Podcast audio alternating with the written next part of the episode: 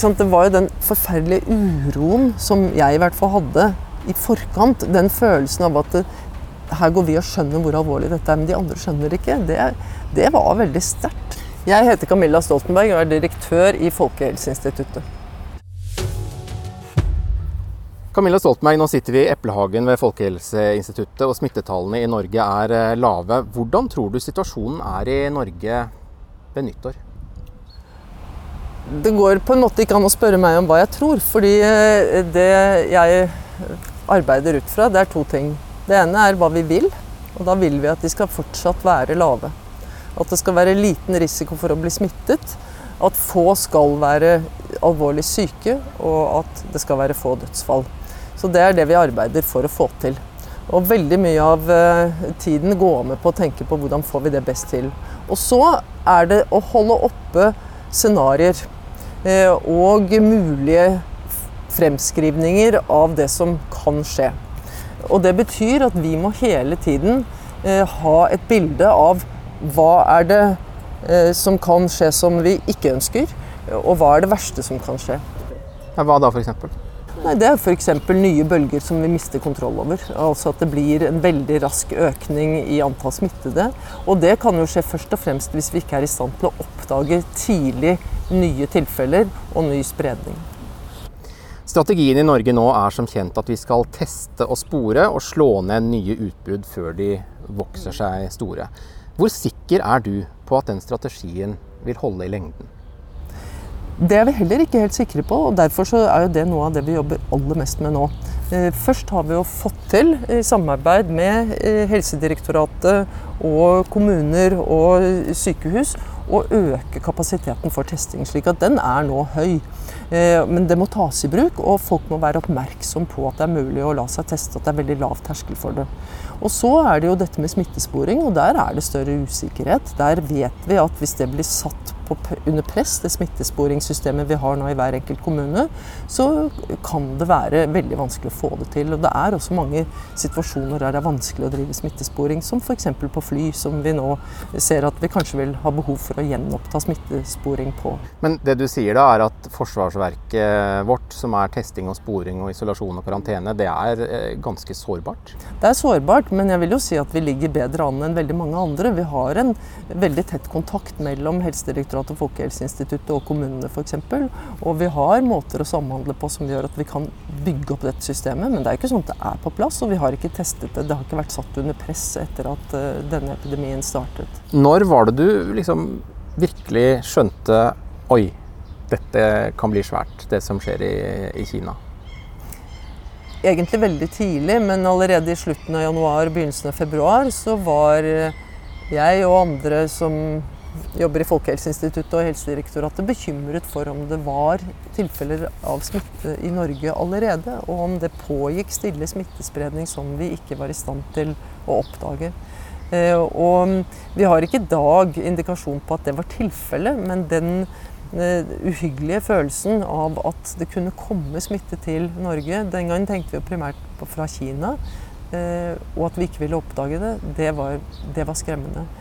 Nei, jeg har jo i mange år samarbeidet med Ian Lipkin, som er professor på eh, Columbia-universitetet i New York. Og han dro til eh, Hubei-provinsen. Han kom vel ikke inn i Wuhan, tror jeg. Men han ble hentet, eller invitert av kinesiske myndigheter som ekspert på virus.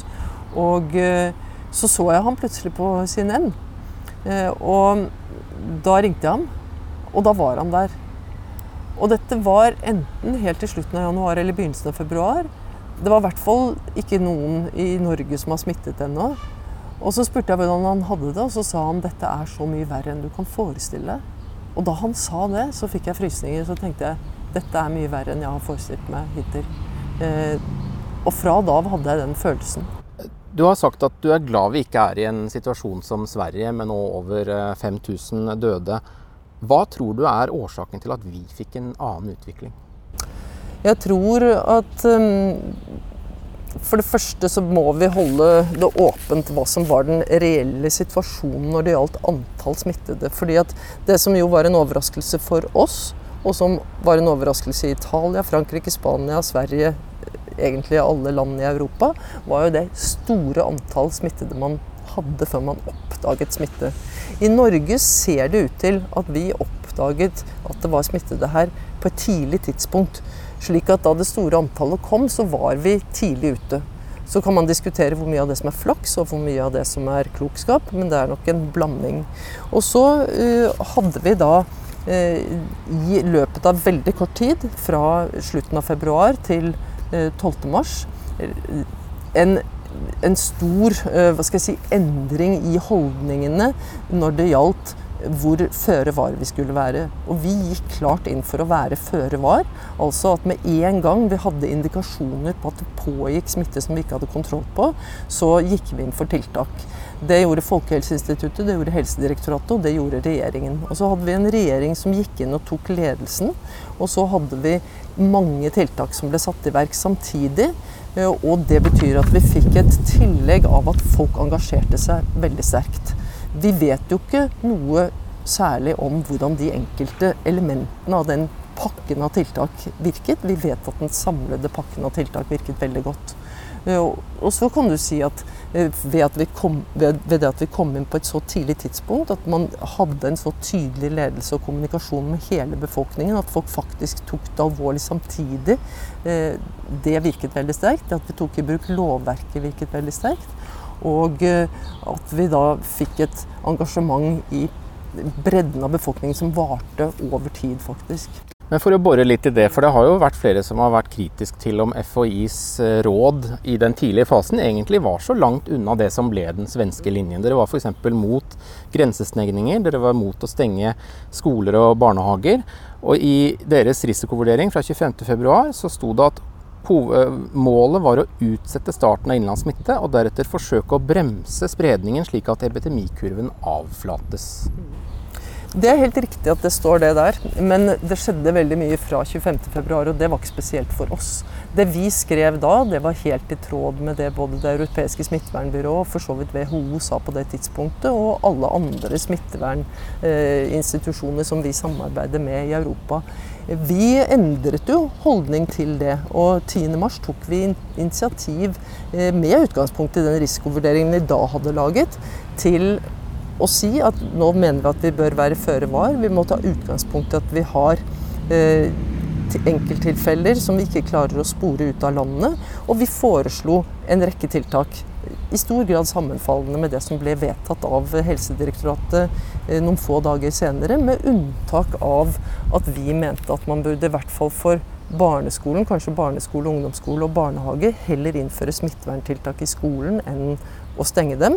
Og så hadde vi også forslag som gikk lenger, var strengere enn det Helsedirektoratet vedtok. Og det viktigste der, det var et forslag om å ha familiekarantene. Det er et veldig interessant forslag å tenke tilbake på nå, fordi at når vi nå ser at veldig mye av smitten skjer nettopp i familien, så ville nok det vært et veldig effektivt tiltak smittevernmessig. Men det var et tiltak som ble vurdert som for å ha for store konsekvenser at for mange ville være i karantene for lenge. Så det ble avvist. Eh, det ble vel først vedtatt, så vidt jeg husker, og så ble det avvist. sånn at 12.3 så ble det tatt ut av den listen. Så det du sier er at dere snudde, men dere gjorde det før 12.3? Jeg vil ikke si at vi snudde. Jeg vil si at eh, vi fikk nye opplysninger om hvor epidemien befant seg. Eh, og vi var for en stor pakke. Vi var for å være føre var. Vi var for hele den listen som ble vedtatt der. Dette med grensestengninger var jo ikke noe vi ble spurt om i det hele tatt. Så vi var jo aldri inne og vurderte de enkelttiltakene som faktisk ble vedtatt 12.3. Det vi forholdt oss til, var jo et scenario, eller en, en situasjon mener jeg, som var litt tidligere, eh, og som ikke eh, ga oss alle, all den kunnskapen vi hadde eh, fra ja, 9., 10., 11., 12. mars. Hva tenker du om situasjonen i Sverige? Jeg tenker at det er en veldig vanskelig situasjon å være i, og at eh, jeg mener at eh, vi i denne fasen har gjort de riktige tingene. Eh, fordi vi både har unngått at så mange er alvorlig syke og så mange dødsfall. Og vi har vunnet tid til å bygge kapasitet i helsetjenesten og til å utvikle disse nye eller forsterke de gamle tilnærmingene, er kanskje riktigere å si, med testing, smittesporing og styrke overvåkingssystemene, så vi kan følge med på utbredelse av smitten og, og analysere og fange opp tidlig ny smitte. Hva ville du gjort hvis du var Anders Tegnell nå? Det vil jeg ikke svare på. Det vil jeg ikke svare på. Jeg kjenner ikke situasjonen godt nok eh, og klarer ikke å følge den tett nok. Jeg følger jo med på de tingene som eh, så jeg kjenner til antall dødsfall og en del om tiltakene og sånn, men detaljene, det, det vet jeg ikke nok om. For litt siden så estimerte en studie fra Imperial College i London at nedstengningen i Europa har spart 3,1 millioner liv. At det er det politiske tiltaket i vår levetid som har spart flest liv, sannsynligvis. Og 12 000 liv i Norge. Um, Viser ikke det også at regjeringen gjorde rett, når de da gikk litt lenger enn deres råd? Jeg tror at vi skal være Nå mener jeg at regjeringen gjorde rett. Eh, også, de gikk jo ikke, Om de gikk lenger enn våre råd, det er faktisk, går det an å diskutere. Men de valgte ikke å følge våre råd på alle punkter. Det er helt riktig. Men vi har jo valgt å følge opp deres beslutninger på alle punkter. Så eh, det var det ene. Men det andre er dette med antallet liv som man har spart. Dette er modellering, og vi, stor, eh, vi er veldig opptatt av å drive modellering. Fordi det er viktig å prøve å få grep om eh, hvor, f.eks. hvor mange menneskeliv sparer man. Man skal være ganske varsom med å tillegge det for stor vekt. Eh, fordi det gjøres mange antakelser, og vi kommer til å se mange forskjellige måter å regne på akkurat dette på.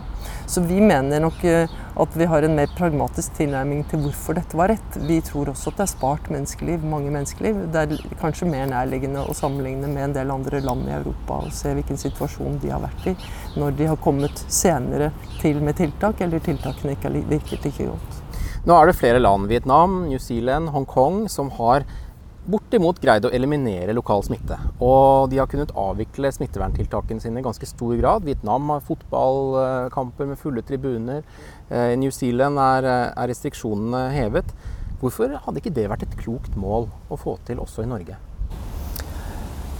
Jeg Det gjenstår å se hvordan det går også med disse landene. Eh, flere av dem er jo nokså avhengige f.eks. av reising, eh, og at folk kommer inn og ut av landene eh, for at økonomien deres skal fungere.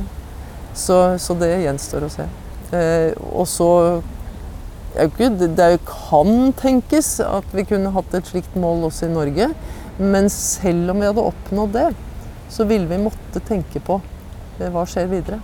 Så lenge viruset fins der ute, og så lenge vi er avhengig av å samhandle med andre land. En ting er jo strategidiskusjonen her i Norden, hvor vi har råd til å stenge ned og vi har råd til å bygge testkapasitet. Men nå herjer viruset i Brasil, India, Bangladesh land med store slumområder, hundrevis av millioner av mennesker som lever i, i, fattigdom, dårlig infrastruktur. De har ikke de valgene vi har. Hva tror du vil skje der? Det, ser jeg ganske mørkt på akkurat nå, må jeg si. Eh, og med den raske økningen som de ser. Eh, så jeg er opptatt av at i denne fasen så er eh, internasjonalt samarbeid og internasjonal solidaritet ikke bare for at man skal hjelpe andre, men også for at man skal hjelpe seg selv, faktisk. Helt avgjørende. Hvilke ferieturer hadde du planlagt i år som ikke ble noe av? Nei, altså Det ble jo ikke noe påskeferie. Jeg vet ikke, Det har ikke vært noe ferie i det hele tatt. Jeg husker nesten ikke. Det blir ikke noe påskeferie, og det blir ikke noen tur til Brussel for å feire fødselsdagen til broren min. Um, når tror du verden er vanlig igjen for eh, dere? Nei, Det tror jeg er en stund til, altså. For Folkehelseinstituttet, tenker du på? Nei, det tror jeg er en god stund til.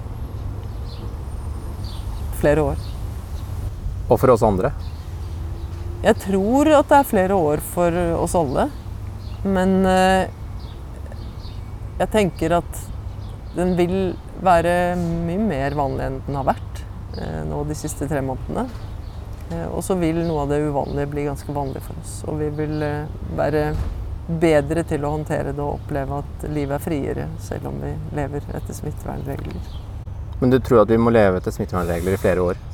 Ja, jeg tror det, og Noen av dem tror jeg ikke er så plagsomme, sånn som det å vaske hendene ofte og være opptatt av hygiene. Mens det å alltid holde avstand til så mange, det er jo litt krevende.